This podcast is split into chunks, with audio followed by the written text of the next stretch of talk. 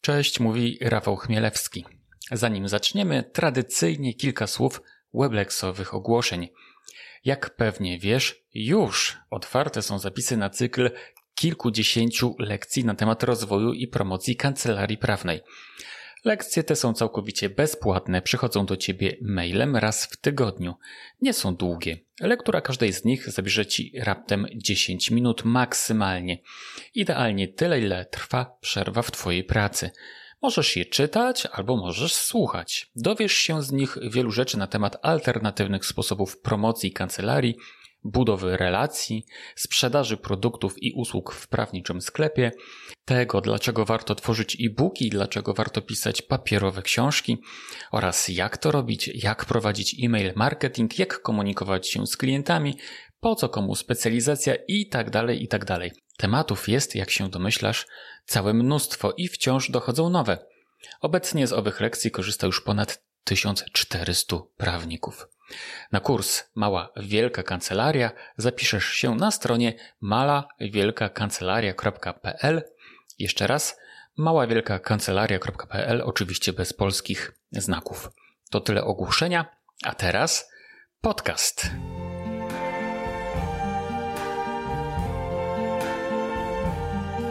I see trees of green. To jest 66. odcinek podcastu w drodze do kancelarii, w którym rozmawiam z doświadczonymi prawnikami, którzy niejedną wiosnę w todze mają już za sobą. Witam Cię serdecznie, mówi jak zawsze Rafał Chmielewski. Dzisiejszym moim i Waszym gościem jest prawniczka, której wieszczę długą i owocną karierę prawniczą. Jest to osoba zdecydowana, pracowita, cierpliwa, zdyscyplinowana, otwarta, pełna pasji i z bogatą osobowością. Po prostu adwokat, przedsiębiorca. Mam zaszczyt współpracować z nią wcale nie tak długo, bo zaledwie nieco ponad rok. I w tym czasie mogłem obserwować jej ogromny postęp i gigantyczną zmianę. Z kancelarii o szerokim zakresie pomocy prawnej do kancelarii wyspecjalizowanej w jednej konkretnej branży. A to wszystko dokonało się przecież w trakcie najtwardszego lockdownu i koronawirusowej zawieruchy. Wtedy, kiedy wiele kancelarii otrzymywało regularne ciosy od rynku, mój gość, pani mecenas Joanna Noszufel, bo o niej jest mowa, jak burza poszła w zupełnie innym kierunku. Powiedzieć, że dzisiaj znajduje się w innym miejscu niż jeszcze rok temu, to jakby nie powiedzieć niczego. A to wszystko dzięki mądrej i dobrze dobranej specjalizacji oraz wytrwałej realizacji planu. Dodam może w nawiasie, że tematowi specjalizacji kancelarii był poświęcony odcinek numer 62 tego podcastu. Jeśli go jeszcze nie słuchałeś czy nie słuchałaś, to zdecydowanie warto to zrobić. O czym rozmawiamy z mecenas Joanną Schufel? Naszą rozmowę postanowiłem zacząć nieco inaczej nie od pytań typu kawa czy herbata, ale od czegoś bardziej doniosłego. Mianowicie rozmowę naszą rozpoczęliśmy od zmiany, jaką przeszła mecenas Schufel. Następnie szeroko omówiliśmy tematykę specjalizacji kancelarii i z jakimi korzyściami tego rodzaju strategia biznesowa się wiąże. Nie zabrakło też pytań o promocję, marketing, o sprzedaż, media społecznościowe, blog prawniczy, wywiady, polecenia, obsługę klienta, cechy dobrego prawnika, składniki sukcesu kancelarii i tym podobne. Zapytałem też mojego gościa, jaką ma radę dla początkujących prawników i czego powinni unikać, a także jaką książkę koniecznie powinien jej przeczytać. Jestem pewien, że posłuchanie tego, co mecenas Joanna Schufel ma do powiedzenia w powyższych tematach, będzie dla Ciebie cennym doświadczeniem.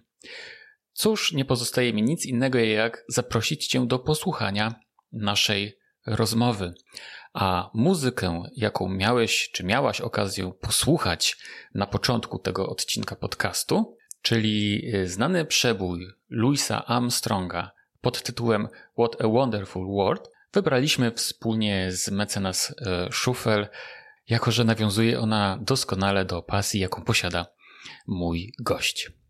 Dodam wcześniej, jak zawsze, że podcast w drodze do kancelarii jest z dumą i z uśmiechem wspierany przez Weblex Bookkeeping, oferujący najwygodniejszą księgowość prawniczą na świecie.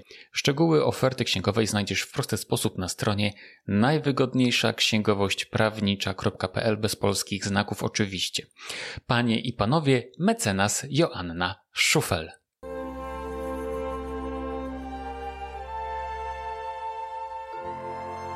To jest kolejny odcinek podcastu w drodze do kancelarii, a moim i waszym gościem e, dzisiaj jest pani mecenas Joanna Szufel, e, warszawski adwokat mm, czy adwokatka. Cześć Asiu. Cześć Rafale. No właśnie, jak wolisz, adwokatka czy adwokat? Ja pewnie powiem coś, co jest teraz niepopularnego, jest mi wszystko jedno. Naprawdę. No dobrze, pani adwokat, to jedziemy. To zaczynamy z grubej rury. No wiesz, bo mm, teraz na początku nie ma, że kawa i tak dalej, to będzie potem, nie? Teraz od razu jedziemy, Kurczę, skacz, skaczemy ale na głęboką będzie pytanie, wodę. Będzie pytanie o kawie. Kawę będzie, ale później. Dobrze, Asiu, w ciągu ostatniego roku twoja kancelaria przeszła gruntowną metamorfozę. Na początku 2020 roku byłaś w zupełnie innym miejscu niż jesteś obecnie. Powiedz, e, wyjaśnij nam, na czym ta zmiana polegała. Zmiana polegała przede wszystkim na tym, że zaczęłam pisać bloga i znalazłam w końcu swoją specjalizację. Mhm. E, jaka to specjalizacja? E, prawo w gabinecie fizjoterapeuty, czyli prawo medyczne, ale jakby moją taką grupą docelową są fizjoterapeuci. Czyli fizjoterapeuci. Jak się, powiedz, czułaś e, wtedy, kiedy poszukiwałaś zmiany? Bo na pewno to, że dokonałaś tej zmiany, było poprzedzone tym, że zaczęłaś jej szukać, co było z kolei pewnie poprzedzone jakimś stanem emocjonalnym, jeśli to tak można powiedzieć. Jak się wtedy w ogóle czułaś, kiedy zaczynałaś poszukiwanie tej zmiany? Y, czułam się źle. E, w sensie takim, że miałam taki etap jakby w moim życiu zawodowym, że czułam, że stoję w miejscu, że się nie rozwijam, a wręcz się cofam, bo ja miałam klientów z różnych branż, przychodzących do mnie z różnymi tematami i byłam tym po prostu najzwyczajniej w świecie zmęczona. Mhm. Jeszcze też e, miałam coś takiego, co ja sobie to tak nazwałam, że wpadłam w taką pułapkę niskich cen bo mhm. miałam też sporo takich stałych klientów, e, którzy gdzieś tam się pojawili na początku mojej drogi zawodowej i wtedy popełniłam błąd, który pewnie popełnia wielu adwokatów. Nie umiesz wycenić swojej usługi, więc dajesz tą niską cenę. I miałam tak. takie poczucie, że pracuję bardzo dużo, mhm. bo naprawdę ja wtedy potrafiłam tak wybilować, jak to się mówi językiem korporacyjnym, po no. pewnie 120-140 godzin miesięcznie e, takiej pracy, pracy dla, dla klientów, ale ja nie miałam takiego poczucia, że ja na tym e, zarabiam pieniądze.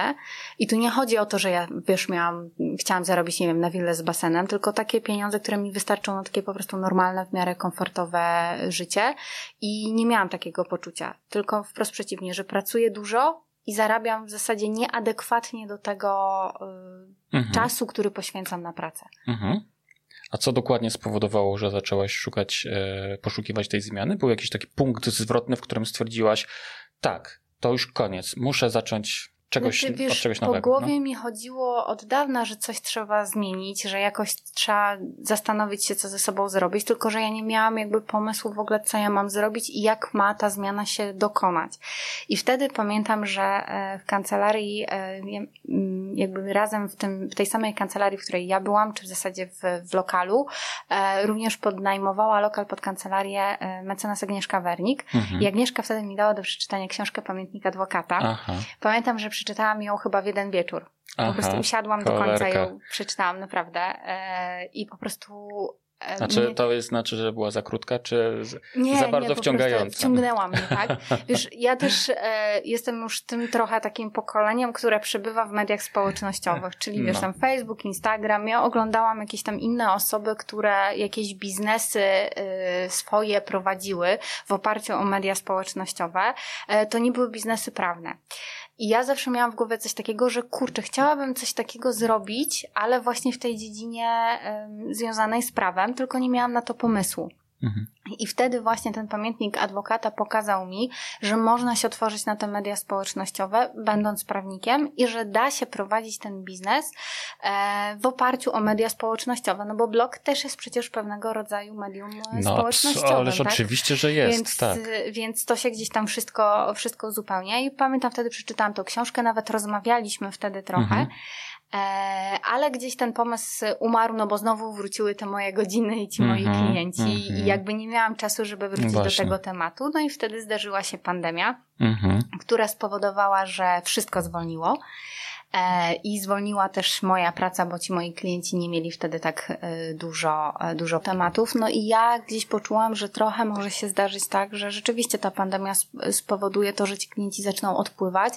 No bo umówmy się, jak jest pandemia, to prawnik jest najczęściej w większości przedsiębiorców ostatnią osobą, na którą mm -hmm. chcesz wydawać pieniądze. Zresztą mm -hmm. wszyscy wtedy ratowali po prostu swoje biznesy. Mm -hmm. No i wtedy wróciłam do tego tematu mhm. e, bloga i to to jest ta pozytywna część, która jakby dla mnie wypłynęła z tej pandemii, że gdyby nie ta pandemia, to pewnie w tamtym czasie ten blog by nie powstał. Mhm, mhm. Wiesz co, tutaj, tutaj dotknęłaś takiego ciekawego wątku, że jeśli masz bardzo dużo pracy, to nie masz czasu, żeby się zastanowić nad tym, co dalej. Nie? Jak zaplanować dalej swoją drogę. To jest też pułapka. Nie? Tak, bo nie masz czasu w ogóle na jakiś rozwój, na tak. myślenie o swoim biznesie, na wyciąganie jakichś tam wniosków z, z tego twojego, twojego biznesu, tylko masz taką bieżączkę. Mm -hmm, Mówisz to, co ci mm -hmm. wpada, musisz Właśnie. pogasić pożary, musisz zrobić to co, tak. e, to, co jest do zrobienia i na koniec dnia, jak to kończysz, to już po prostu nie masz siły na nic. Mm -hmm, Jedziesz, nie wiem, robisz zakupy, robisz kolację, idziesz spać i tak po prostu jak w kołowrotku gdzieś tam tak. zasuwasz i nie myślisz nad tym swoim rozwojem, a wtedy też czasami się zdarzy tak, że jak masz właśnie jakichś stałych klientów, odejdzie od ciebie ten stały klient i ty zostajesz po prostu nagle z dnia na dzień de facto z niczym. Mhm, mhm. Jest to pułapka, z której trzeba mm, mieć świadomość, że istnieje. Dobrze, a jak już podjęłaś tą decyzję o zmianie, to nie bałaś się ruszyć w, w nową drogę? Nie miałaś żadnych wątpliwości? Oczywiście, że się bałam i no. oczywiście, że miałam wątpliwości, no. bo bałam się, że nie było tak, że ja wrzucę masę wysiłku w tą dziedzinę, no bo przecież każdy artykuł trzeba gdzieś tam napisać. To nie jest tak, że wiesz, siadasz i tam 15 minut jest napisane. Trzeba przemyśleć, co chcesz napisać. Trzeba poszukać jakiejś inspiracji, więc to zajmuje dużo czasu i bałam się, żeby to nie była taka para w gwizdek. Tak. Że wiesz, ja to zacznę pisać, może nawet ktoś tam będzie czytać, ale to się nie przełoży na ten wynik finansowy, no bo nie ma się oszukiwać. W pisaniu bloga to oczywiście to mi daje bardzo dużo frajdy, satysfakcji, ja to bardzo lubię, ale to nie chodzi o to, że chcę popisać bloga po prostu i, i tyle, tylko żeby to gdzieś się przełożyło na rozwój twojej kancelarii i na ten wynik finansowy. I się bałam po prostu, że to nie zacznie mi przynosić e, pieniędzy po prostu i że będzie ten duży wysiłek, ale ten wysiłek no nie przykuje się na klientów po prostu. Mm -hmm. Pamiętam zresztą, nawet dzwoniłam wtedy do ciebie, bo widziałam, że tam fizjoterapeuci, ich samorząd zawodowy dość tak... Tak, pamiętam tą rozmowę. Tak, bardzo działał i tam dużo rzeczy im udostępniał. Ja się bałam, że po prostu to, co ja będę pisać, to oni nie będą chcieli w ogóle z tego korzystać, nie będą chcieli za to zapłacić, bo w sumie im samorząd bardzo dużo jakby daje od siebie. Natomiast no, okazało się, że tak nie jest. Że jest inaczej, nie? No daje im, to znaczy samorząd im daje dużo, ale nadal e, ludzie jednak oczekują takiej indywidualizacji, takiego indywidualnego podejścia.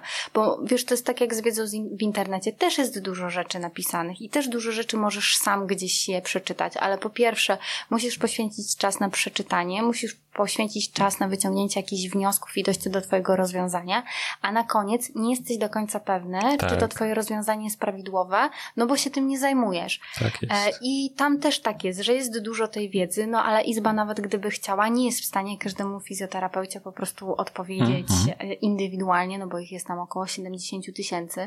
70 tysięcy fizjoterapeutów. Tak, zarejestrowanych, tak? No. Natomiast ile z nich rzeczywiście wykonuje y, zawód, mm-hmm. także rzeczywiście aktywnie pracują, to to, to nie wiem, czy, czy, czy to się przekłada, ale jest no 70, 70 tysięcy mhm. fizjoterapeutów, więc no, no nie da się, nawet wiesz, gdyby to było, nie wiem, 10 tysięcy osób, to nie da się mhm. przecież 10 tysiącom osób indywidualnie odpisywać, prowadząc samorząd, mhm. e, samorząd zawodowy, więc się okazało, że oni poszukują tych rozwiązań, ale też oczekują właśnie tego, że ktoś do nich podejdzie indywidualnie i im po prostu pomoże indywidualnie rozwiązać ich problem i odpowiedzieć na pytania tak indywidualnie. Mhm, mhm. Czy ponownie ruszyłabyś w tą drogę, gdyby zaszła taka konieczność? Gdyby na przykład, nie wiem, z jakiegoś powodu czas się cofnął i byś stanęła znowu przy tym wyborem? Czy mając za sobą te wszystkie swoje doświadczenia, wiele, wiele, wiele godzin pracy, praca to jedno, tak, ale się też na to wydajesz przecież pieniądze, jakby nie było.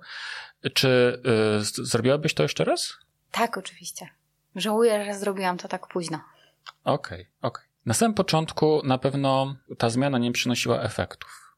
Nie? Jakiś czas musiał minąć, abyś e, nagle zobaczyła, że coś zaczyna się dziać, także to zaczyna przynosić owoce. E, co było takim punktem, który spowodował to, że ten przyrost owoców, jeśli to tak można powiedzieć, nagle przyspieszył? Mm, promocja bloga, czyli ja się skupiłam na tym, żeby pokazać, że taki blog jest jak największej liczbie osób. Mhm. Robiłam to przez wywiady.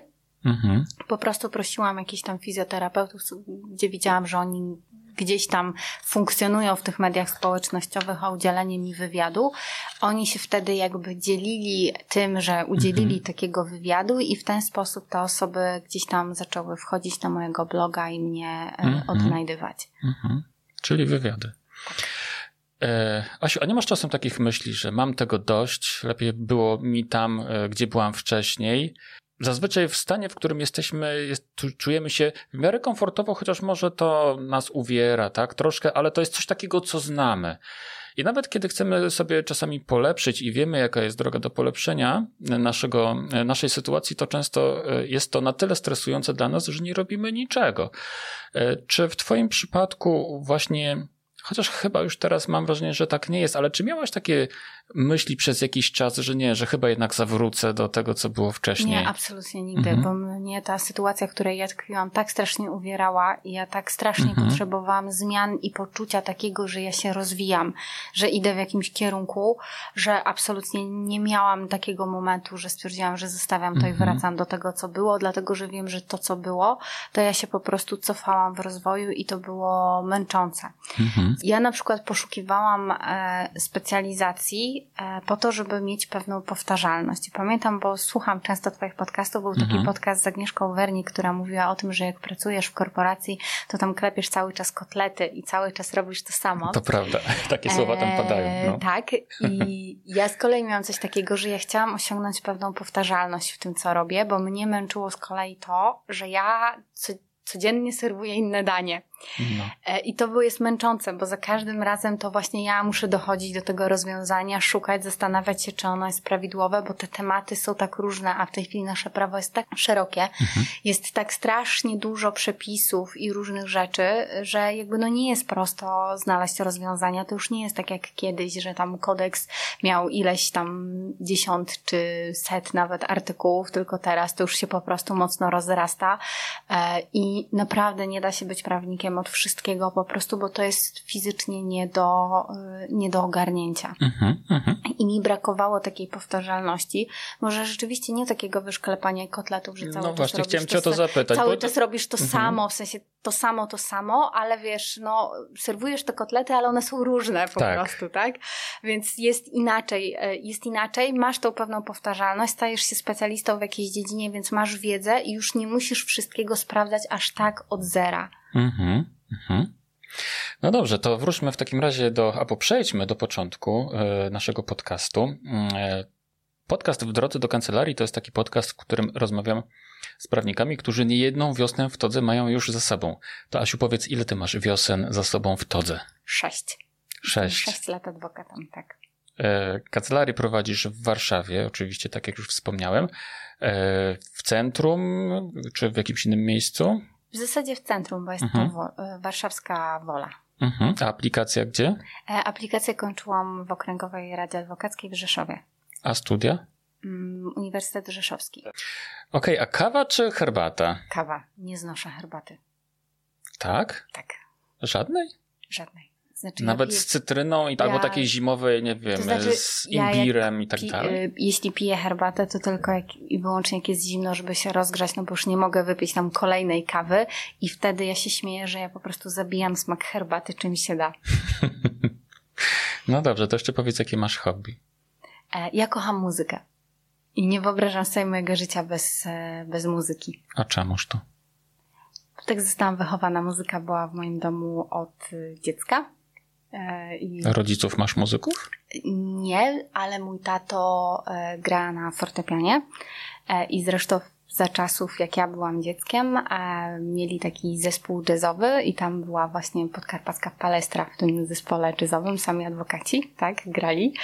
E, ja od dziecka słucham jazzu. Odkąd pamiętam, ten jazz zawsze był e, no. w moim domu. Pamiętam, jak miałam ze trzy lata, jak jeszcze na płytach gramofonowych tak. Louis Armstrong leciał, więc ja Aha. po prostu od dziecka słucham, słucham jazzu i ta muzyka zawsze była w moim życiu, zawsze była ważna. Zresztą też grałam, uczyłam się grać na fortepianie.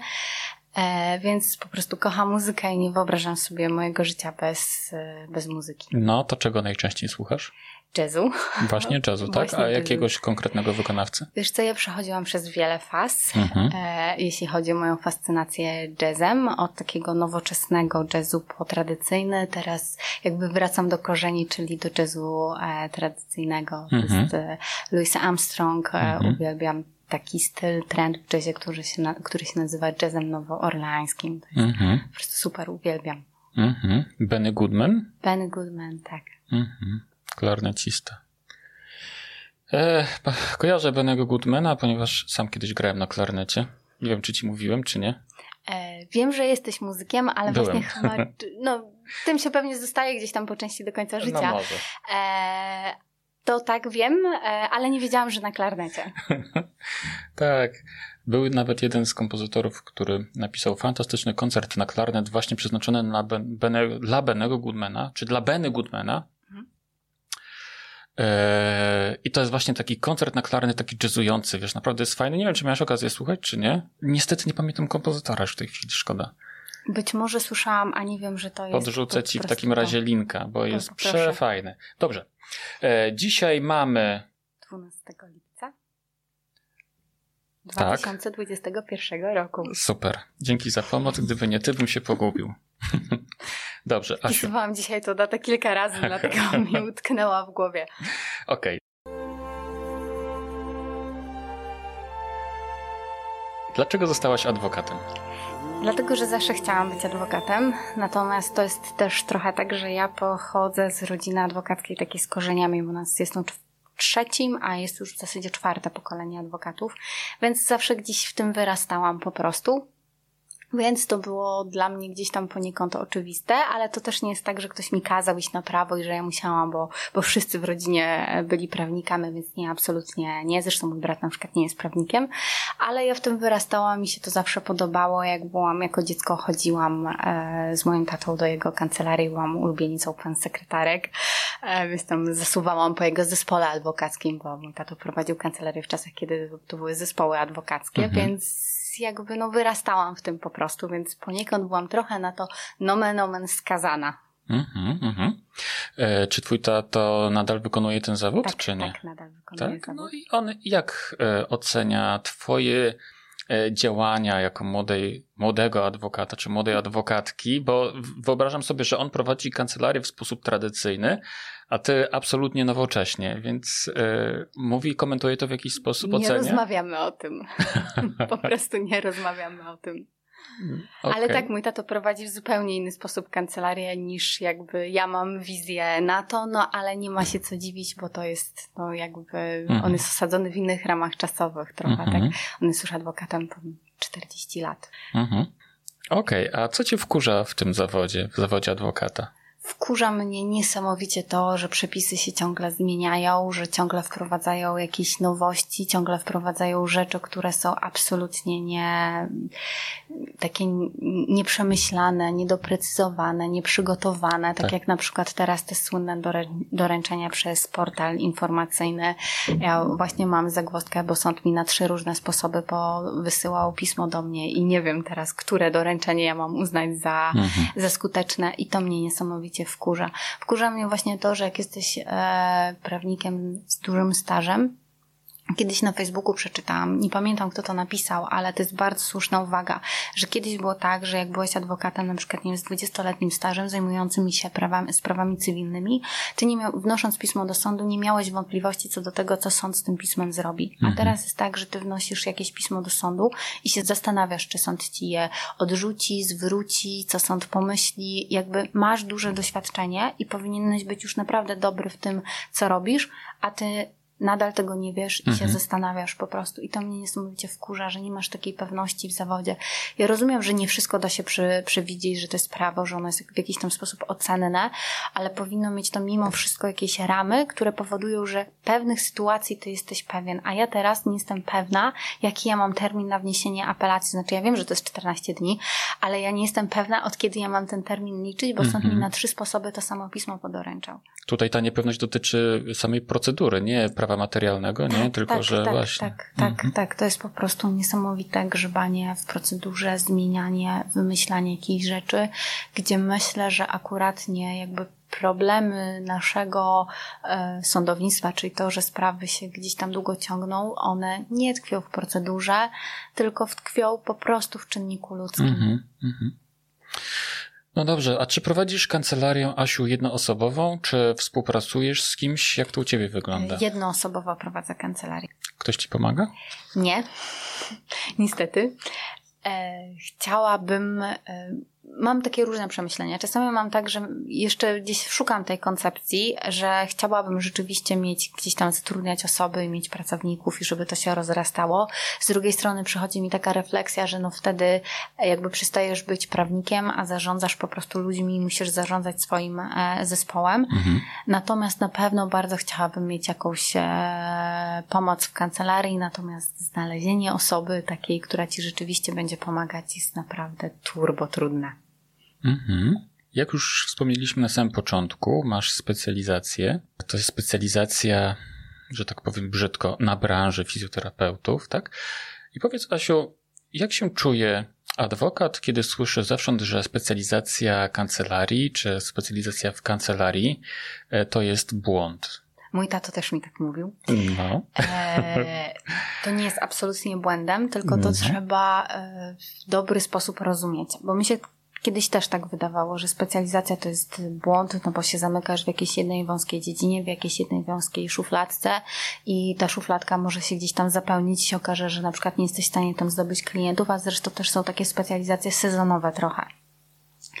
E, I to trzeba rozumieć dobrze, czyli że ty nie musisz mieć jednej specjalizacji nie jesteś prawnikiem owszem od wszystkiego, czyli nie przyjmujesz jak leci mhm. administracyjna, karna, cywilna, rodzinna, mhm. ale tych specjalizacji możesz mieć po prostu kilka. One mogą być gdzieś w jakiś sposób ze sobą powiązane, na przykład, nie wiem, prawo medyczne dedykowane różnym grupom zawodowym, e, czy na przykład y, z kwestią sprawa rodzinnego też możesz mieć na przykład, e, nie wiem, alimenty i rozwód i coś tam jeszcze, czyli de facto masz trzy specjalizacje, ale jednak y, jesteś w jakimś wąskim kręgu, i to powoduje, że ty się znasz na tym, co robisz, by ci łatwiej, bo osiągasz tą powtarzalność. Nie musisz wszystkiego zawsze czytać od nowa i stajesz się po prostu specjalistą w tej e, dziedzinie. I tak hmm. rozumiana specjalizacja uważam, że jest dobra, bo wracamy do tego, o czym mówiłam na początku. To nasze prawo jest w tej chwili tak szerokie, hmm. że nie da się być po prostu e, specjalistą od wszystkiego i nie da się po prostu zajmować e, wszystkim, bo przepisów jest tak dużo i one się tak szybko zmieniają, że wtedy po prostu każdą sprawę od nowa y, musisz jakby zrobić, a zaczynasz niestety zarabiać wtedy, kiedy osiągasz pewnego rodzaju powtarzalność. Mhm. Wielu prawników uważa, że wybierając jakąś specjalizację, jednocześnie zawężają krąg swoich klientów. W pewnym sensie, jakby tak, wiesz, popatrzeć zdroworozsądkowo, to jest to prawda, nie? Ale z drugiej strony, no właśnie, ale z drugiej strony to jest tak, że wtedy ty jesteś dla tych ludzi specjalistą w jakiejś wąskiej dziedzinie i oni chętniej do, do ciebie przyjdą. Bo zobacz, jak to jest. Jak szukasz e, na przykład. Mm, szukasz jakiegoś tam prawnika, ktoś ci kogoś poleca, no idziesz do niego i nie wiesz tak naprawdę, czy on się zajmuje, czy jest specjalistą, czy nie jest specjalistą. I tu działają wtedy takie już naprawdę stricte polecenia, albo no nie wiem, wyrzucisz w internet i Google ci pokaże, mhm. bo się wypozycjonowało. Natomiast jak jesteś specjalistą, to ludzie ci, ludzie ci szukają jakiegoś tematu, ty im się gdzieś pojawiasz w internecie i oni zawierzają e, tobie jako specjaliście, więc łatwiej jest znaleźć takiego klienta w cudzysłowie z ulicy, tak jak kiedyś było, prawda? Że otwierasz mhm. kancelarię i wchodzi do ciebie klient z ulicy. Mhm. Mhm. Tak tutaj wtedy też tak jest, że przychodzi do ciebie klient z internetu, ale mhm. on cię tam znajduje dlatego, że jesteś specjalistą w jakiejś dziedzinie. Bo łatwiej jest się przebić w internecie jako specjalista w danej dziedzinie, niż jako po prostu adwokat Warszawa. Mhm. Czyli jednym słowem uważasz, że posiadanie specjalizacji jest również taką, e, powiedziałbym, takim narzędziem promocji i marketingu. Tak, zdecydowanie tak, bo ono jakby ułatwia paradoksalnie drogę e, do tego, żeby klient do ciebie trafiał i ty się zawężasz na krąg odbiorców, ale paradoksalnie tych klientów wtedy masz więcej. E, Asiu, a co powiesz o stosunku twoich klientów do ciebie? W sensie takim, że ty masz porównanie. E, jak klienci do ciebie podchodzili wtedy, kiedy byłaś wszechstronnym adwokatem? E, wszechstronnym w sensie takim, że bez specjalizacji, tak? Mhm. Bo do dzisiaj jesteś wszechstronnym, może nawet bardziej wszechstronnym niż wcześniej. E, no a jak, a jak podchodzą do ciebie klienci dzisiaj, którzy są z twojej grupy docelowej, którzy uważają ciebie za specjalistkę i którzy są, wiedzą dobrze o tym, że ty jesteś tą osobą, która jest im w stanie pomóc? E, no właśnie, przede wszystkim ci klienci mają mnie za specjalistę w danej dziedzinie, mhm. więc wiedzą, że jestem w stanie rozwiązać ich problem. No oczywiście nie zawsze, no nie zawsze mhm. się da mhm. wskazać rozwiązanie, które jest zero-jedynkowe, e, ale traktują mnie jako specjalistę, a jeśli ktoś cię traktuje jako specjalistę, to jest w stanie też ci więcej po prostu zapłacić. Mhm wtedy nie ma tak, że negocjujemy jakieś ceny, mhm. czy wiesz, jak ja miałam na przykład takich, właśnie będąc takim prawnikiem od wszystkiego, czyli trochę od niczego, to mhm. miałam takich klientów, którzy, wiesz, wysyła mi umowę, na której widzę, że on zarobi, no, nie wiem, 100 tysięcy, mhm. ja mu to wyceniam na jakąś tą kwotę, że mu to sprawdzę, a on po prostu usiłuje tą kwotę zbić o 3 czwarte, więc mhm. no, tak, tacy klienci się zdarzają niestety. Natomiast tutaj trochę tego nie ma, natomiast tego też trochę nie ma, dlatego, że mam e, sklep internetowy w blogu, co jest mhm. po prostu genialne, bo mhm. ktokolwiek cokolwiek ode mnie chce, ja odsyłam do sklepu internetowego i z mhm. sklepem internetowym się nie dyskutuje. No, albo tak. wrzucasz do koszyka i klikasz, albo po prostu nie klikasz, tak? Ale nie masz możliwości negocjowania ze sklepem mhm. ceny. Mhm, mhm. E, a co mówią na Twoją specjalizację Twoi koledzy czy koleżanki, jeśli się dowiadują, że Asia Szufel E, ma właśnie taką specjalizację. Czy w ogóle komentują to w jakiś sposób, czy nie? Nie, wiesz co, ja chyba nawet nie rozmawiam okay. E, o tym z takimi osobami gdzieś tam z innego kręgu. Mhm. Jeżeli już, to poznałam dzięki właśnie blogowaniu, dzięki naszej grupie kilka osób i, mhm. i jakby no wszyscy tutaj mają takie samo zapatrywanie, no że prowadzenie bloga jest super, mhm. więc raczej... No tak, wszyscy uważają to za specjalizację jako coś normalnego, nie? Tak, tak, dokładnie. Natomiast jak mm, z kimś tam rozmawiałam, chyba ze dwa razy mi się zdarzyło z jakimiś osobami spoza jakby mhm. kręgu osób specjalizujących się w czymś, e, no to te osoby jakby nie dowierzają, że to jest w stanie przynosić e, mhm. realny dochód. Mhm, mhm. Asiu, czy obecnie zajmujesz się wyłącznie sprawami fizjoterapeutów, czy czasami zdarzy ci się przyjąć jeszcze coś innego? Nie, bo jeszcze to nie jest na takim poziomie, że ja mogę z tego tak w 100% żyć. To przynosi całkiem spory, spory dochód. Ostatnio nawet y, miałam takich trochę do, mm, pro, produktów pasywnych w sklepie internetowym. To się bardzo super sprzedało. E, więc, więc to przynosi coraz większy dochód, ale na razie jeszcze nie taki, żebym z tego w 100% mogła żyć, więc mam tam jeszcze jakieś stare, stałe obsługi, które gdzieś tam sobie są. I to jest taka moja baza do tego, że, że no jakby wiem, że te pieniądze mm -hmm. na mhm. pewno wpłyną. E, ale już sobie obiecałam i naprawdę trzymam się tego absolutnie tak już od czerwca y, w stu procentach. Nie przyjmuję żadnych innych spraw, które mhm. nie są związane z moim blogiem. Te, które gdzieś tam obiecałam, przyjęłam, kończę. Mhm. Nie biorę żadnych nowych spraw. Zresztą też przepłaciłam swoim zdrowiem w czerwcu, więc nie, dlatego że, y, bo to jest, wiesz, zawsze jest taka pokusa, że ktoś przychodzi do ciebie ze sprawą jakąś tam, to jest jakaś tam mała sprawa, no możesz na tym zarobić, nie wiem, 3-4 tysiące, mhm. więc masz taką pokusę, żeby no to zrobić, no bo, no bo to Mhm. Zarobisz po prostu, tak? Mhm. E, I to gdzieś tam zawsze, zawsze, zawsze jest taka pokusa. Natomiast no ja sobie właśnie zdałam sprawę, przy, przyjmując takie jakieś drobne rzeczy, że każda ta sprawa powoduje, że ten czas, który ja na nią poświęcam, to jest czas, który ja zabieram jakby na bloga. Mhm. I jak ja bym ten sam czas, a nawet mniejszy, wpakowała mówiąc mm -hmm. brzydko, w mojego bloga. Mm -hmm. Może nie od razu, bo on od razu mi nie przyniesie tego strzału w postaci tam, nie wiem, 4 tysięcy, mm -hmm. ale długofalowo on mi przyniesie spokojnie te 4 tysiące, a mhm. może nawet więcej. Mhm. Właśnie. E, niektórzy prawnicy, Asiu, mają takie wątpliwości. Mm, mówią tak, chętnie bym zawęził zakres działania kancelarii, To z mojej praktyki jest, mhm. nie? Tak jak rozmawiam często z różnymi prawnikami. Chętnie bym się zawęził, czy bym się e, zawęziła, ale się boję skoku na głęboką wodę, tak po prostu od razu, nie? Co ty byś poradziła komuś takiemu? Żeby nie robić skoku na głęboką wodę od razu. Mhm. Jak myśmy rozmawiali o prowadzeniu bloga, ja zaczęłam pisać swojego bloga, no to też nie było tak, że ja teraz, dobra, to ja się niczym innym nie zajmuję, odsuwam wszystko inne i teraz to robię tylko, tylko to, mhm. no bo w to trzeba włożyć dużo pracy. To nie jest tak, że to ci się, wiesz, napiszesz trzy artykuły e, na bloga, a pieniądze będą sypać się z nieba, tak jak wiesz, ostatnio deszcze nasze, no. e, wie, wie, nasze wieczorne burze. Mm, tak, straszne są. E, e, to, no to to tak nie działa, tylko żeby po prostu robić sobie to stopniowo, czyli pisać na tym blogu, próbować mhm. go rozwijać, nie rezygnować z tego wszystkiego, co się ma do tej pory, ale z czasem będzie się właśnie widzieć to, co ja teraz mam, że już jakby przyjmujesz coraz mniej, coraz mniej, mhm. a coraz więcej masz tych klientów z bloga i przechodzisz tak jakby płynnie z tej specjalizacji ogólnej, czyli mhm. jeśli to można specjalizacją nazwać, do tej twojej specjalizacji szczegółowej po prostu. Czyli takie e, spokojne, powolne przejście Czyli trzeba mieć najpierw jakąś, no trzeba najpierw pod, oczywiście podjąć jakąś decyzję, a potem powoli w tym kierunku zmierzać. Żadnego skoku na głęboką wodę, nie?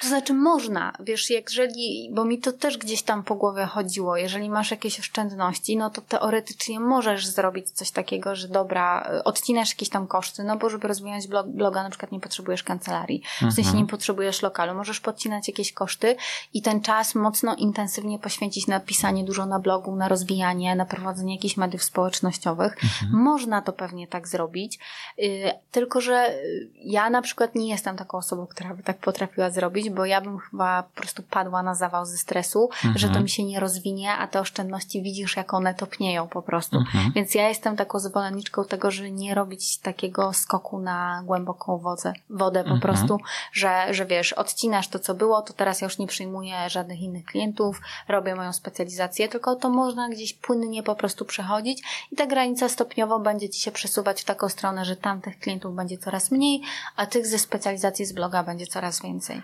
Też jestem za tym, żeby absolutnie nie robić czegoś takiego, bo e, można to zrobić lepiej i bezpieczniej, nie? Tak mhm. naprawdę.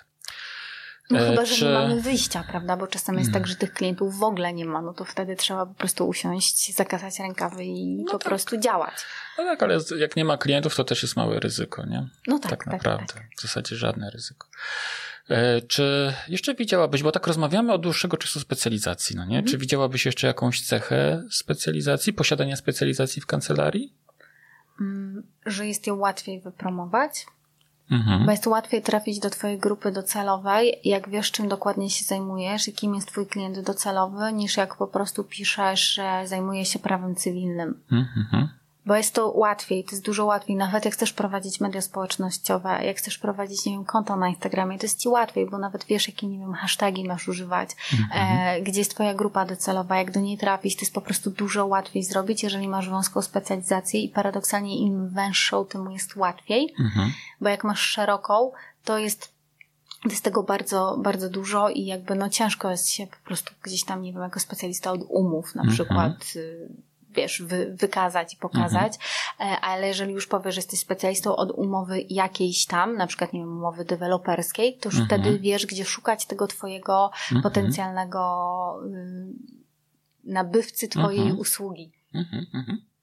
E, no i są jeszcze ludzie, tak, w poszczególnych e, zakresach, którzy jak się dowiedzą, że jesteś, tak, to chętnie nawiązują z tobą kontakt i ci pomagają też. Znaczy nie mówię o tobie, tak, mówię generalnie rzecz biorąc, tak? No, ze mną zresztą też tak było, bo do mnie się odezwała e, Asia Tokarska, która prowadzi taką bardzo dużą grupę na Facebooku Fizjopozytywni. Mhm. Tam jest około chyba 15 tysięcy fizjoterapeutów. Znaczy nie wiem, czy fizjoterapeutów, tak? No 15 tysięcy osób, które należą do tej, tak. E, do tej grupy i ona właśnie jak posłuchała podcastu jakiegoś tam ze mną, e, to do mnie napisała i od tej pory ja jakby wspieram jako taki ekspert jej grupy. Zresztą teraz Facebook dał możliwość ustawiania takich użytkowników jako mhm. eksperci, mhm. więc ja tam jestem widnieję jako ekspert w tej grupie i, i robimy jakieś od czasu do czasu jakieś live, tego typu e, rzeczy. I to są rzeczy oczywiście darmowe, ale mhm. one zawsze gdzieś mi tam przynoszą e, później to, że mhm. ludzie się zgłaszają już po jakieś indywidualne, e, indywidualne porady, no bo to jest trochę tak, że musisz dać spora za darmo, żeby ci klienci przyszli do ciebie, mhm. którzy będą chcieli zapłacić za twoją usługę. Mhm, mhm. Ale to dawanie za darmo się opłaca koniec końców. Tak, tylko to też trzeba dawać e, mądrze za darmo, że to nie możesz dawać za darmo taki, na tacy gotowych rozwiązań na, na wszystko, takich wiesz, stuprocentowo mhm. gotowych, tylko trzeba coś tam trochę mhm. zostawiać, żeby ci ludzie chcieli do ciebie mhm. przyjść. Mm, ale to też nie jest takie trudne, no bo nawet jak robisz wpis na blogu, to wiesz, jakbyś chciał, nie wiem, w jakiejś sprawie stuprocentowe rozwiązanie dać, mhm. to to jak zaczniesz pisać ten artykuł, to się okaże, że on będzie tak długi, że nikt nie dobrnie do, do końca, mm -hmm. więc po prostu zahaczasz o jakiś temat, piszesz o nim, piszesz o nim jakieś tam najważniejsze rzeczy, a to później sprawia, że ci klienci do ciebie e, przychodzą, a czasami są takie tematy, że wiesz, że jakby e, ci klienci e, nie będą chcieli z tego tematu skorzystać e, odpłatnie jakby z twojej pomocy, więc warto im to dać e, za darmo, bo oni też gdzieś cię postrzegają jako specjalistę, e, że zrobiłeś coś dla nich, że dałeś coś za darmo i oni wtedy, jak coś będą mieli innego, to chętniej do ciebie przyjdą po to. Mm -hmm. I jeszcze jedna taka cecha specjalizacji e, pozytywna, która mi tutaj przyszła na myśl, to to, że mając specjalizację, z jednej strony wiesz, co masz robić, czym się zająć, co promować, co pisać, w jaki sposób i tak dalej, ale z drugiej strony jednocześnie wiesz, czego nie robić i na co nie tracić czasu. To prawda, to prawda. O tym Bartok Gajek chyba mówił nawet, tak, że jak zaczynał prowadzić swojego bloga dla kreatywnych, to bardzo dużo wrzucał informacji o ściąganiu wierzytelności, po czym się okazało, że jego grupy docelowej w ogóle to nie interesuje, bo tam nie ma problemu z niezapłaconymi e, fakturami. Mhm. I rzeczywiście tak jest, że zna, zaczynasz znać problemy twojej mhm. grupy docelowej. No idealnie to jest też tak, jeżeli twoja grupa docelowa gdzieś tam się wiąże z jakimś twoim hobby, czy z czymś, czym ty mhm. się zajmujesz, bo wtedy znasz problemy tych y, ludzi bardziej, jest, bardziej jesteś w stanie się z nią, e, z nią utożsamić, no mhm. jest ci łatwiej wtedy po prostu się przebić, mhm. bo ci ludzie wtedy widzą, że ty rzeczywiście piszesz o rzeczach, które ich interesują.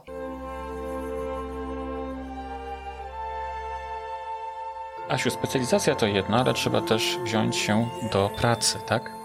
E, aby tę specjalizację pokazać, wypromować i tak dalej dotrzeć do swojej grupy klientów. E, powiedz, w jaki sposób ty promujesz e, swoją kancelarię i swoją specjalizację? E, już mówiłam o tym, że właśnie dzięki wywiadom z fizjoterapeutami, bo to jest zawsze, myślę, że dla nich interesujący temat, jak ktoś opowiada o wykonywaniu zawodu. No i druga rzecz to jest Instagram, dlatego że bardzo wielu fizjoterapeutów prowadzi swoje konta na Instagramie i ta moja grupa docelowa tam naprawdę jest. Mhm. Więc rzeczywiście też widzę jakby przypływ e, i ludzi na bloga, i na konsultacje właśnie z, z Instagrama. Mhm. Wspominałaś już o wywiadach. Ja uważam, traktuję wywiady jako osobne narzędzie do, e, do promocji.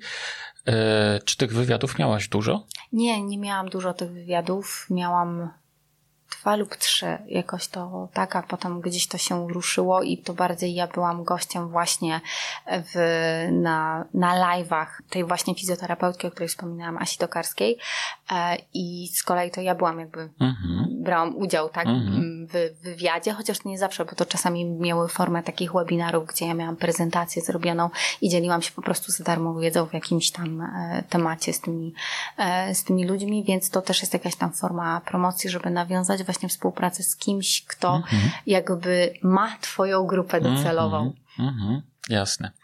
E, bardzo często e, mówię o tym, że wywiady są bardzo pomocne w rozwoju e, kancelarii. U ciebie wystarczyły trzy wywiady, żeby tak naprawdę się wiele popchnęło do mhm. przodu. Ja mam w ogóle teraz taki pomysł, bo Instagram trochę się zaczyna zmieniać i daje możliwość w ogóle robienia wspólnych live'ów, żeby gdzieś wrócić do tej idei wywiadów i właśnie, żeby porobić tam takie wywiady z fizjoterapeutami, którzy mogliby opowiedzieć o tym, jak oni prowadzą ten swój biznes fizjoterapeutyczny, mhm. tak już stricte, żeby ktoś mógł zobaczyć, jak to mhm. wygląda u innych, co oni robią, coś tak jak ty trochę robisz mhm. E, z nami, tak. E, żeby właśnie to zrobić z fizjoterapeutami, tylko znowu właśnie czas, czas, czas. Mhm, mhm. E, czy kiedy prowadzisz bloga, piszesz mm, następny artykuł, czy dbasz o to, żeby on się dobrze pozycjonował?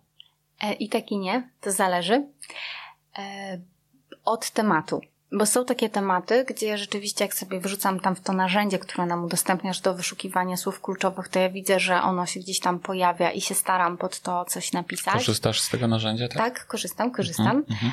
E, Natomiast są też takie tematy, gdzie wiem, że tam nie ma słowa kluczowego, bo nawet próbuję sobie za każdym razem, jak piszę jakiś wpis na blogu, to próbuję coś tam podpatrzeć, czy coś jest i ja widzę, że frazy, które gdzieś tam próbuję wyszukiwać, to one się w ogóle nie odnajdują, e, a, a to narzędzie też ci podpowiada jakby inne, mhm. inne możliwe jakby frazy i mam tak, że jak coś wpiszę, to ono mi nawet nie podpowiada, więc ja wiem, że to nie jest w ogóle, mhm. nie jest coś, że jestem w stanie wyszukać jakiś temat, do, co, do którego jestem w stanie przypasować jakieś słowa, e, słowa kluczowe, więc wtedy po prostu się tym nie, nie zajmuję. Mhm. E, w tym narzędziu nazywa się Keyword Tool. E, tam jest również możliwość wyszukiwania hashtagów w Instagramie. Czy korzystałaś z tej opcji? E, nie, nie korzystałam z tej opcji, yy, dlatego że on, to znaczy chyba raz spróbowałam, ale on wyszukuje takie dość duże hasztagi. A ja nie mam na tyle dużego konta na Instagramie, żeby korzystać z dużych hashtagów. A co masz na myśli mówiąc duży? Yy, duży hashtag to jest taki hashtag, który, pod którym powstało bardzo dużo postów i mhm. który jest bardzo aktywny. Mhm. E, I to powoduje, że jak ty wrzucasz swoje, e, swój, pisujesz ten hashtag na przykład pod twoim postem, e, to on tam jest dosłownie ułamek sekundy widoczny i po prostu schodzi bardzo szybko, mhm. bardzo szybko w dół. I oczywiście warto użyć czasami takiego hashtaga, ale jeśli nie masz dużej, dużej społeczności, która ci nie zacznie szybko lajkować, to ten twój, hash, ten twój post pod tym hashtagiem się nie będzie będzie gdzieś tam w tak zwanym feedzie e, mhm. pozycjonował e, wysoko i, i to nie ma, nie ma większego sensu. Poza tym ja też e, obserwuję ostatnio coś takiego, że jakby mi mało ludzi w tym momencie przechodzi z, z hashtagów, bo już no sporo fizjoterapeutów na Instagramie mnie po prostu obserwuje i to gdzieś się tak mhm. roznosi nawet bez konieczności dbania aż tak bardzo te hasztagi. Mhm, mhm. Czyli rzeczywiście jest tak, że ludzie po hashtagach trafiają, tak? Do... E, na początku tak, miałam bardzo dużo, e, bardzo dużo takich. Można sprawdzić sobie w statystykach w koncie na Instagramie. Miałam okay. bardzo dużo wejść z hashtagów. Okej, okay, przyznam, że się w ogóle nie orientuję. Miałam rzędu, na przykład na mój, mój wpis miałam wejście z hashtagów rzędu 60-70% to były wejścia z hashtagów dobrze wow. wybranych. Tak. Dobrze. Hmm. Czy prowadzisz własne szkolenia, Asiu? Nie wiem, czy to można nazwać szkoleniami, ale y, prowadzę te webinary, takie w postaci tych live'ów, które się odbywają na Facebooku i one są darmowe. Mhm. Więc to są pewnego rodzaju szkolenia, bo ja tam mówię o jakichś rzeczach takich istotnych y, dla mojej grupy docelowej. Mhm. Przymierzam się do tego właśnie, żeby gdzieś zacząć e, coś robić. Może nawet nie tyle szkolenia, co zastanawiam się nad podpięciem do bloga platformy takiej z filmami, e, żebym mogła mieć tam, e, umieszczać webinary na jakieś określone po prostu e, tematy. Mhm, mhm. Żeby taką bazę wiedzy stworzyć, ale właśnie w postaci nagrań. Mhm. Oczywiście odpłatnych, wtedy już nie, nie darmowych. Tak, takie szkolenia wideo.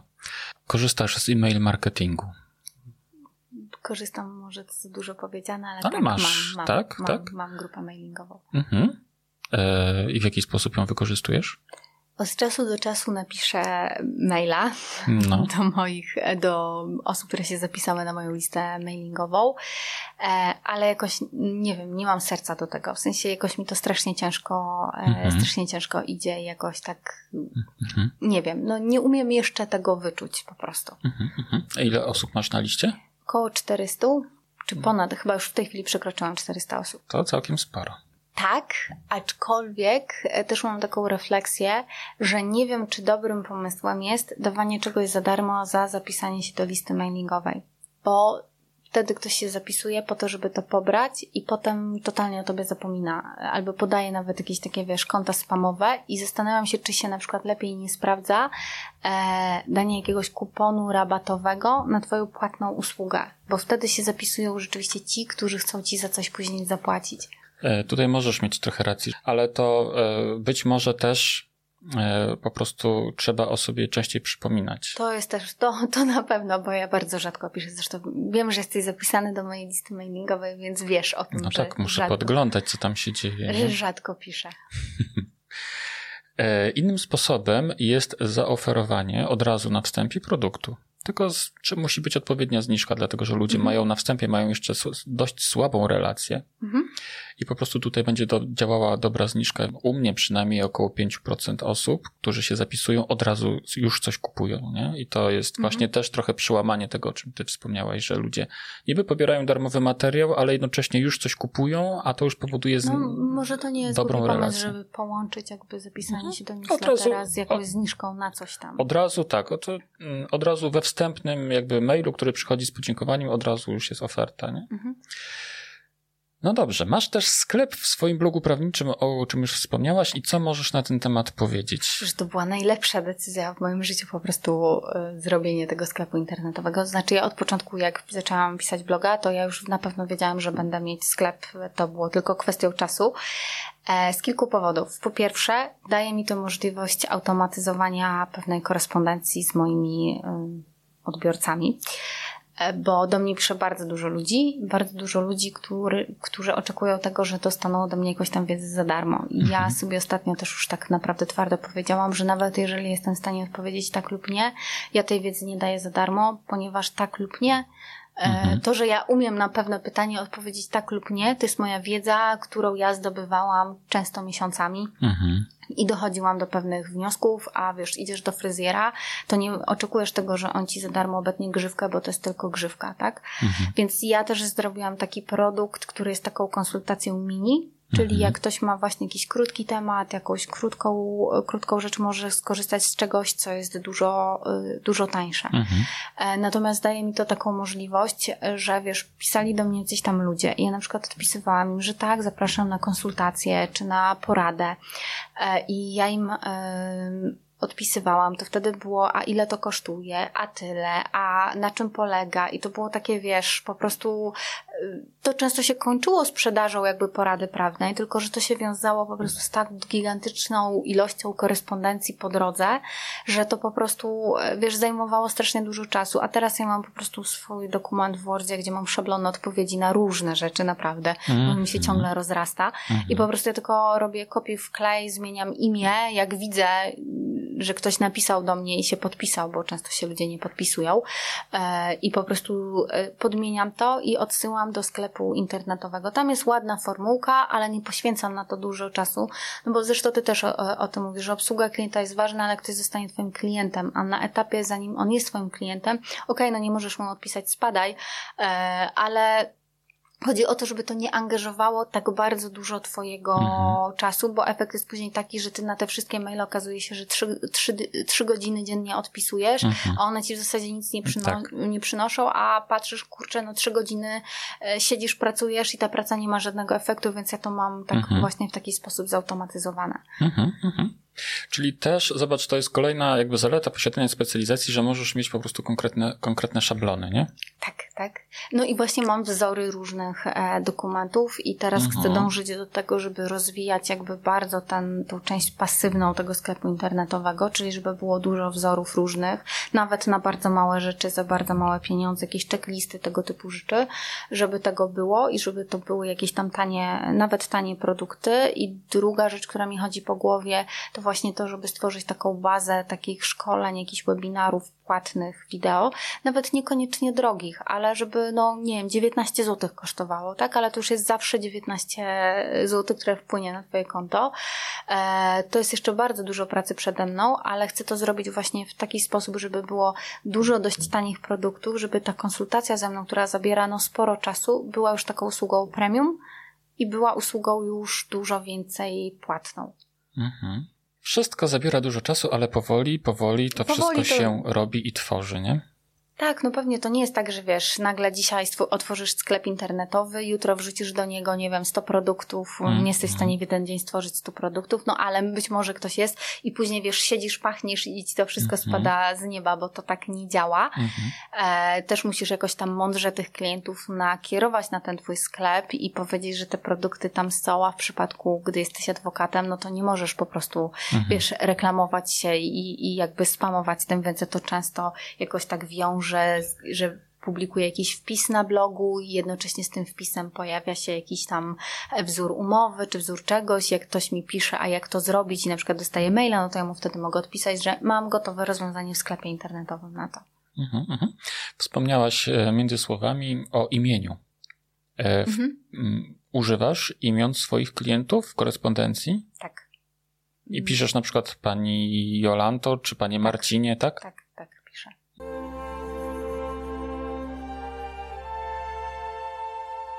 Asiu, jakie są według ciebie składniki sukcesu kancelarii prawnej? No niestety ciężka praca.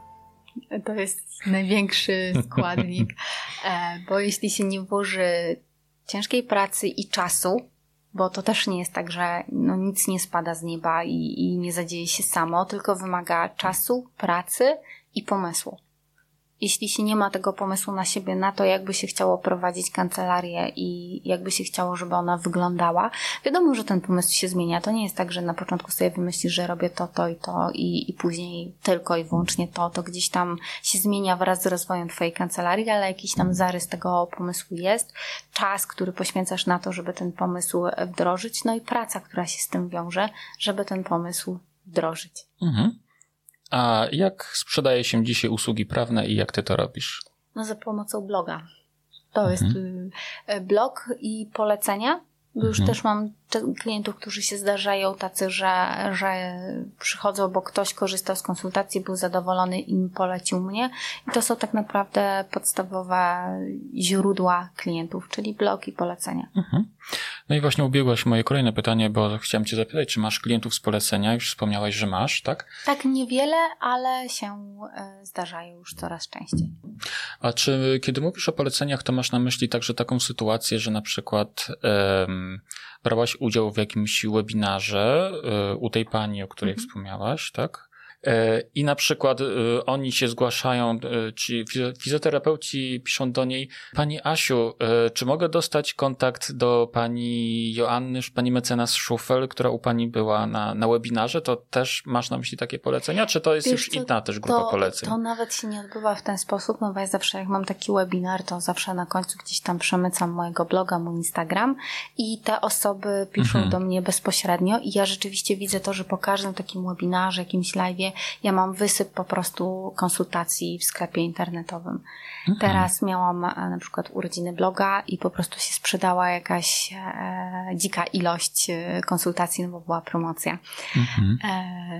E, może o tym głośno nie będę mówić. E, I się sprzedała naprawdę bardzo duża ilość konsultacji. Mhm. Więc to zawsze jest tak, że jak gdzieś się pojawisz, coś dasz za darmo, to za tym przynajmniej u mnie tak idzie wysyp po prostu zamówień w sklepie internetowym. Mhm. E, no dobrze, a co według Ciebie wpływa na ilość poleceń w kancelarii prawnej? Obsługa klienta. Czyli to, czy klient z konsultacji z Tobą jest y, po prostu, czy konsultacji jakiejś usługi prawnej, którą mu świadczysz, czy jest zadowolony. A, a co to znaczy zadowolony? Albo inaczej, inaczej zadam to pytanie. Kiedy klient jest zadowolony z obsługi? Kiedy czuje się zaopiekowany. Kiedy mhm. czuje się, że ty mu w, w, sposób profesjonalny przedstawiasz jakby rozwiązanie jego problemu, ono nie zawsze jest zgodne z oczekiwaniami e, klienta, ale i przedstawiasz mu to zrozumiałym językiem, czyli on wie, co ty do niego mówisz, a nie strzelasz mu paragrafami i jakimiś mądrymi prawniczymi e, słowami, których on po prostu e, nie rozumie. To nie chodzi o to, że ty nie wiem, e, no ja nie mam tutaj z mojej specjalizacji klientów procesowych, więc ja mam konsultacje, ale to nie chodzi o to, że ty wygrywasz sprawę klienta, tylko że klient się czuje, że w trakcie tej usługi prawnej, którą mu świadczysz, jest zaopiekowany i czuje się z tobą po prostu bezpiecznie. Mhm. I, I, mówisz do niego zrozumiałym językiem, tak? No bo mhm. jeżeli nie, to jakby jedno wynika z drugiego. Klient się nie będzie czuł bezpiecznie, jeżeli nie będziesz mówić do niego w taki sposób, że cię będzie rozumiał. Tak, bo jeżeli nie będzie cię rozumiał, to będzie miał wrażenie, że znaczy to będzie podnosiło poziom jego stresu tak naprawdę, tak, nie? Tak. że nie rozumie, co się dzieje z nim samym w mhm. jego sytuacji. Dobrze, tak Asiu, wiesz co, odpowiadasz mi na te pytania, ale tak naprawdę yy, wyprzedzasz, wyprzedzasz te moje pytania, bo następne było właśnie takie, jak dbasz o swoich klientów. Czy jeszcze w jakiś sposób coś jeszcze robisz, co e, powoduje, że ci klienci, jak to nazywasz, są zaopiekowani? To trudne pytanie, bo mam konsultacje głównie, więc mhm. ja w trakcie tych konsultacji po prostu staram się mówić do nich zrozumiałym językiem. Mhm. I myślę, że to jest jakby klucz, że wiedzą, co do nich, e, rozumieją to, co ja do nich e, mówię. I czasami to są konsultacje, które no, nie są zgodne z ich oczekiwaniami, bo ktoś sobie wymyślił, że coś tam zrobi, no tak. a ja mu mówię, że nie może tego zrobić, bo przepisy są takie, że prowadząc działalność leczniczą, tego typu rzeczy nie wolno robić. Mhm. I zdarzają się też takie konsultacje, ale no wtedy mi te osoby dziękują, że im to powiedziałam, bo wiedzą, że dzięki temu one się nie wpakowały w jakieś tam potencjalne potencjalne kłopoty. Mhm. Mhm. Oczywiście też zdarzają się takie konsultacje, że ja wiem, że ktoś nie jest zadowolony z tego, co ja do niego mówię. Miałam parę razy takie sytuacje, że e, osoba nie była zadowolona i wiem, że ta konsultacja się nie skończyła w taki miły sposób, ale to było trochę tak, że ja mówiłam jedno, i mówiłam, że no bo tak jest w przepisach i ja niestety no nie mam na to wpływu. Moja rekomendacja jest, żeby robić to, to i to, a nie robić tamtego czy tego. I ta osoba jakby z tym walczyła, no ale no niestety, no ja nic na to nie, no nie byłam w stanie temu zaradzić, no bo ja wiem, jakie są przepisy, jakie są możliwości, ja tej rzeczywistości niestety nie zmienię. No tak, niektórzy są tacy, że w zasadzie mogliby sami być swoimi prawnikami, nie wiadomo po co przychodzą do kancelarii prawnej. No tak, tak, to prawda. No takie niestety też wizyty trzeba przebrnąć, przez tak. nie trzeba po prostu przebrnąć. Mhm. Asiu, jakie według Ciebie cechy powinien mieć dobry prawnik? Być wynikliwy, i cierpliwy. Bo do klientów trzeba mieć dużo cierpliwości. No to ciekawe właśnie z tą cierpliwością. No bez wątpienia. Są tacy, którzy wymagają więcej cierpliwości niż inni, nie? No wiesz, każdy jest z nas inny. Nikt nie jest też jak zupa pomidorowa, więc nie wszystkich trzeba lubić, ale no trzeba mieć tą cierpliwość do klienta. Szczególnie jak na przykład klient po kilka razy pyta o to samo, bo nie wie, czy do, dobrze zrozumiał i tak dalej. No jego prawo, no bo mówisz do niego też takim językiem, który starasz się to podawać mu w pewien zrozumiały sposób, ale no nie zawsze, wiesz, unikniesz jakichś takich pojęć stricte, e, stricte prawnych, więc no trzeba tej cierpliwości do klientów.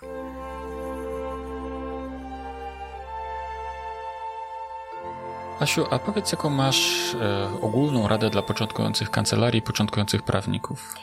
Myślałam o tym e, bardzo i ten, to mi się włączyło po Twoim chyba ostatnim podcaście, tylko nie pamiętam jak się nazywała ta pani mecenas, z którą był ten podcast, że y, jeżeli ktoś zaczyna aplikację, ja bym poświęciła dużo czasu na znalezienie dobrego patrona. Takiego patrona, który Cię rzeczywiście nauczy czegoś. To się często pojawiało w podcastach, w szczególności na początku.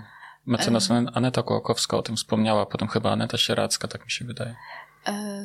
Bo y, wiesz, ja na przykład w trakcie aplikacji zaczęłam pracę w Warszawie. Mój tato był moim patronem, e, ale no powiedzmy, ja pracowałam w Warszawie, jakby więc nie miałam tam styczności aż tak bardzo z jego sprawami. I jakby mój szef oczekiwał wtedy, że no zatrudnię sobie pracownika, który mu ogarnie wszystko. I ja jakby ze wszystkimi sprawami, które dostawałam, zostawałam sama. Nie miałam możliwości przegadania z kimś tego, zastanawiania się nad rozwiązaniami, nad tym, co trzeba zrobić. Ja miałam po prostu przygotować, opracować pismo procesowe, napisać apelację i jakby zostawiałam z tym totalnie sama. I to jest coś, czego mi brakowało bardzo. Często dzwoniłam do taty, jakby z tatą rozmawiałam o tym, tylko że wiesz, no na odległość to nie zawsze się da, mhm. da tak zrobić. E, a poza tym, no też nie mogłam mu przesyłać dokumentów, prawda, z jakiejś, bo kwestia mhm. jakiejś tam tajemnicy i tak dalej, więc no, no, nie miałam takiej możliwości. Więc myślę, że po prostu znalezienie patrona, który będzie chciał rzeczywiście poświęcić czas, E, żeby pewne rzeczy wytłumaczyć i nauczyć cię wykonywania tego zawodu, bo jeżeli się tego nie nauczysz na aplikacji, to już się tego nie nauczysz później nigdy, bo no nie da się. To jest trochę tak jakbyś, wiesz, ktoś cię nie nauczy w klasach od 1 do 3 płynnie czytać i pisać, ty później się tego w jakiś tam sposób nauczysz, ale to już nie będzie tak, jakbyś się nauczył tego w klasach od 1 do 3, poświęcając w zasadzie tylko czas na naukę czytania i pisania, tylko potem to jest takie, wiesz, łapanie, bo musisz, to tutaj coś coś doczytasz, tam coś popatrzysz e, i, i jakby nie nauczysz się wykonywania tego zawodu, nie nauczysz się tego, jak na przykład właśnie e, relacje z klientem sobie układać, bo owszem, trzeba mieć takie podejście do klienta, żeby on się czuł zaopiekowany, ale z drugiej strony e, nie możesz przekroczyć tej granicy, że ci klient wejdzie na głowę No bo to też nie może tak być, że klient będzie oczekiwał później od ciebie tego, że ty odbierzesz od niego telefon o każdej porze dnia i nocy, bo jemu się coś przypomniało. Mhm. E, bo ty też masz swoje życie, no i masz do tego prawo, no jest weekend, chcesz odpocząć, jesteś chory, jakby no różne sytuacje w, ży w życiu się zdarzają e, i właśnie dobry patron powinien cię takich rzeczy e, nauczyć, więc dla osób, które zaczynają jakby swoją przygodę z tym zawodem, rozpoczynają aplikację, ja bym radziła, żeby znaleźć dobrego patrona, który nauczy nas wykonywać zawodu, a niekoniecznie w tym momencie patrzeć na ten aspekt finansowy. Ja wiem, że że się każdy musi utrzymać, ale można czasami po prostu mieć, nie wiem, trochę skromniejsze życie, a nauczyć się wykonywania zawodu, bo to ci zaprocentuje, jak będziesz już e, adwokatem po prostu, czy radcą prawnym. Mhm. A czego takie osoby powinny unikać? Mm, no właśnie takiej pogoni za pieniądzem na tym, e, na tym etapie. Mhm. Tego, że to jest czas na to, żeby się jeszcze uczyć, zarabiać też, no bo trzeba żyć, mhm. ma się swoje rachunki do opłacenia, ale to nie jest jeszcze ten czas, żeby zarabiać duże pieniądze, tylko właśnie ten czas poświęcić na, na naukę po prostu. Mhm, mhm. Czy warto słuchać podcastów? Tak. Dlaczego? E ja mam taką swoją refleksję z podcastami, no. że jeszcze zanim zaczęłam prowadzić swojego bloga i zanim jakby zobaczyłam, że są te podcasty, e, to wiesz, jak rozmawiasz z prawnikami, to najczęściej wszyscy ci mówią o matko, jak jest ciężko, jak nie ma klientów, jak trudno jest zdobyć klienta, wykonywanie tego zawodu jest coraz trudniejsze, nie ma, nie ma spraw, nie ma tego i jakby wszyscy narzekają. I ty jak z tymi ludźmi rozmawiasz, to zaczynasz jakby ulegać e, tym ich emocjom, tym, że, to, mm -hmm. że ten zawód jest taki super trudny, że jest tak super ciężko, że nie ma tych klientów i Boże, co ja ze sobą zrobię, gdzie ja znajdę pracę, jak ja na siebie zarobię i tak wiesz, nasiąkasz tym po prostu. A słuchanie tych podcastów dało mi właśnie to, że słuchasz o ludziach, którym wyszło, i to cię nastawia tak, że tobie też może wyjść i jakby jak zaczynasz coś, coś robić, to robisz to z innym nastawieniem po prostu, nie z nastawieniem z góry skazanym na porażkę, tylko, bo wszyscy ci dookoła mówią, że w ogóle wiesz co, szukaj etatu, nie zaczynaj pracować jako adwokat czy radca prawny, nie znajdziesz klientów i ty wiesz, próbujesz, ale z tyłu głowy masz ciągle te głosy, które ci mówią, że nie, to mhm. jest złe. A jak zaczę zaczęłam słuchać tych podcastów, to tam opowiadają ludzie, którym wyszło, tak? Czyli mhm. opowiadają, że to pisanie bloga jest super, że im się mówią o tym, jak to się przełożyło, nawet niektóre osoby mówią o jakichś swoich wynikach finansowych. Mhm. I ty jakby słuchasz tego i zaczynasz widzieć, że to nie musi tak wcale e, wyglądać i że da się, że da się, żeby było inaczej i przystajesz nasiąkać tą taką mm -hmm. po mhm. prostu takim negatywnym podejściem. I właśnie dlatego warto słuchać podcastów, w szczególności na samym początku drogi zawodowej. Tak, zdecydowanie tak. E, Asiu, jak sobie radzić na samym początku drogi zawodowej? Bo podcast oczywiście z jednej strony tak, bo można się pozytywnie naładować, ale czy coś jeszcze miałabyś jakąś taką tak, radę? zacząć jak najszybciej pisać bloga. Okej. Okay. Bo tak naprawdę jedyną możliwością znalezienia klienta jeszcze wciąż e, jest pisanie bloga i znalezienie swojej specjalizacji. Mhm. Im szybciej się znajdzie tą swoją specjalizację, tym jest lepiej. Mhm, mhm.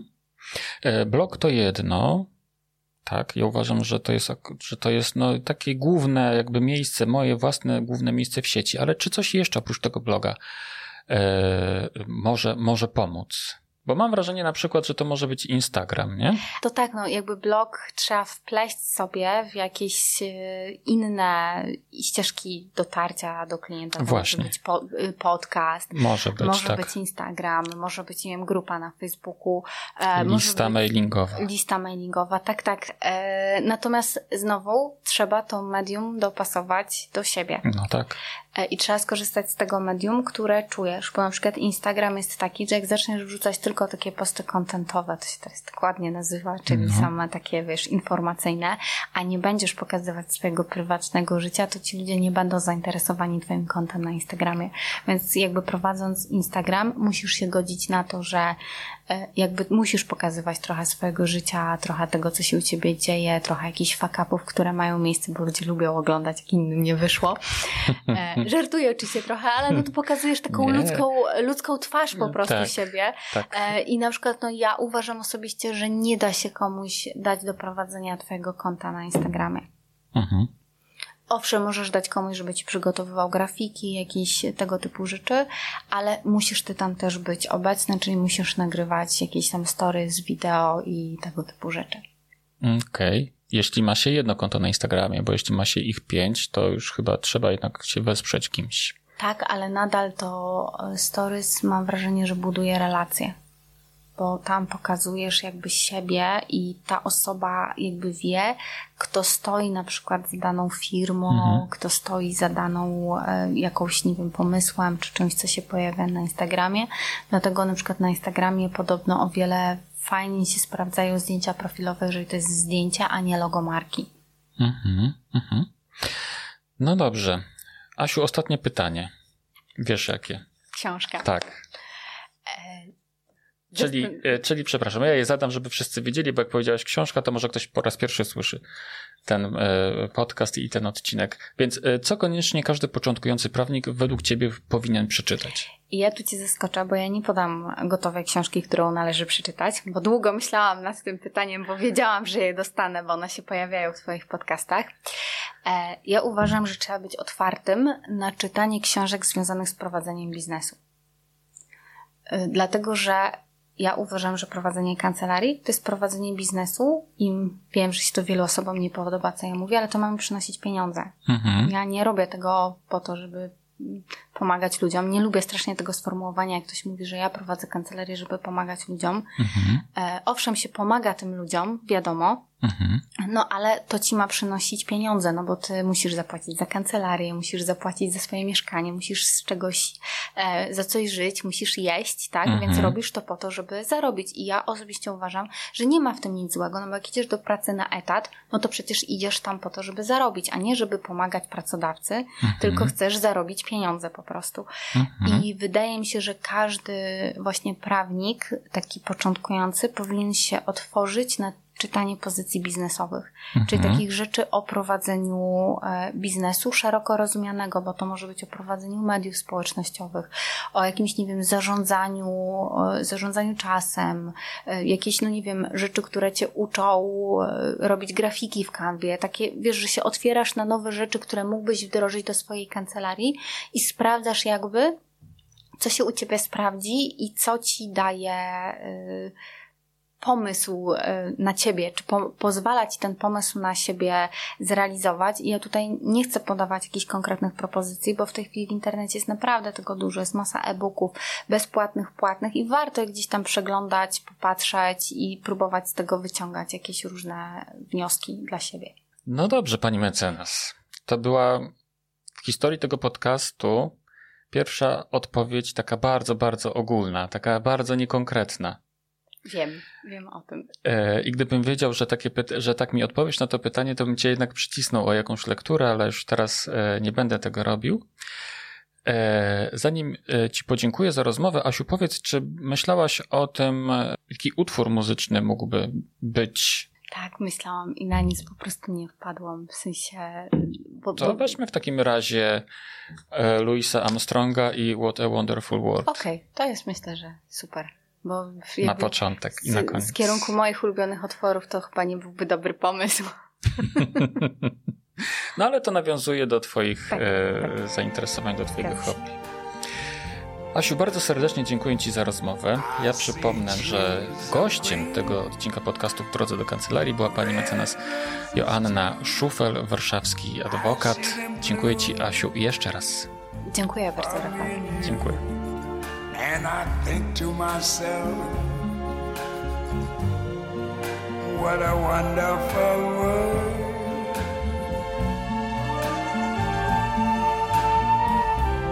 I see skies of blue and clouds of white, the bright, blessed day, the dark, sacred night. And I think to myself, what a wonderful world.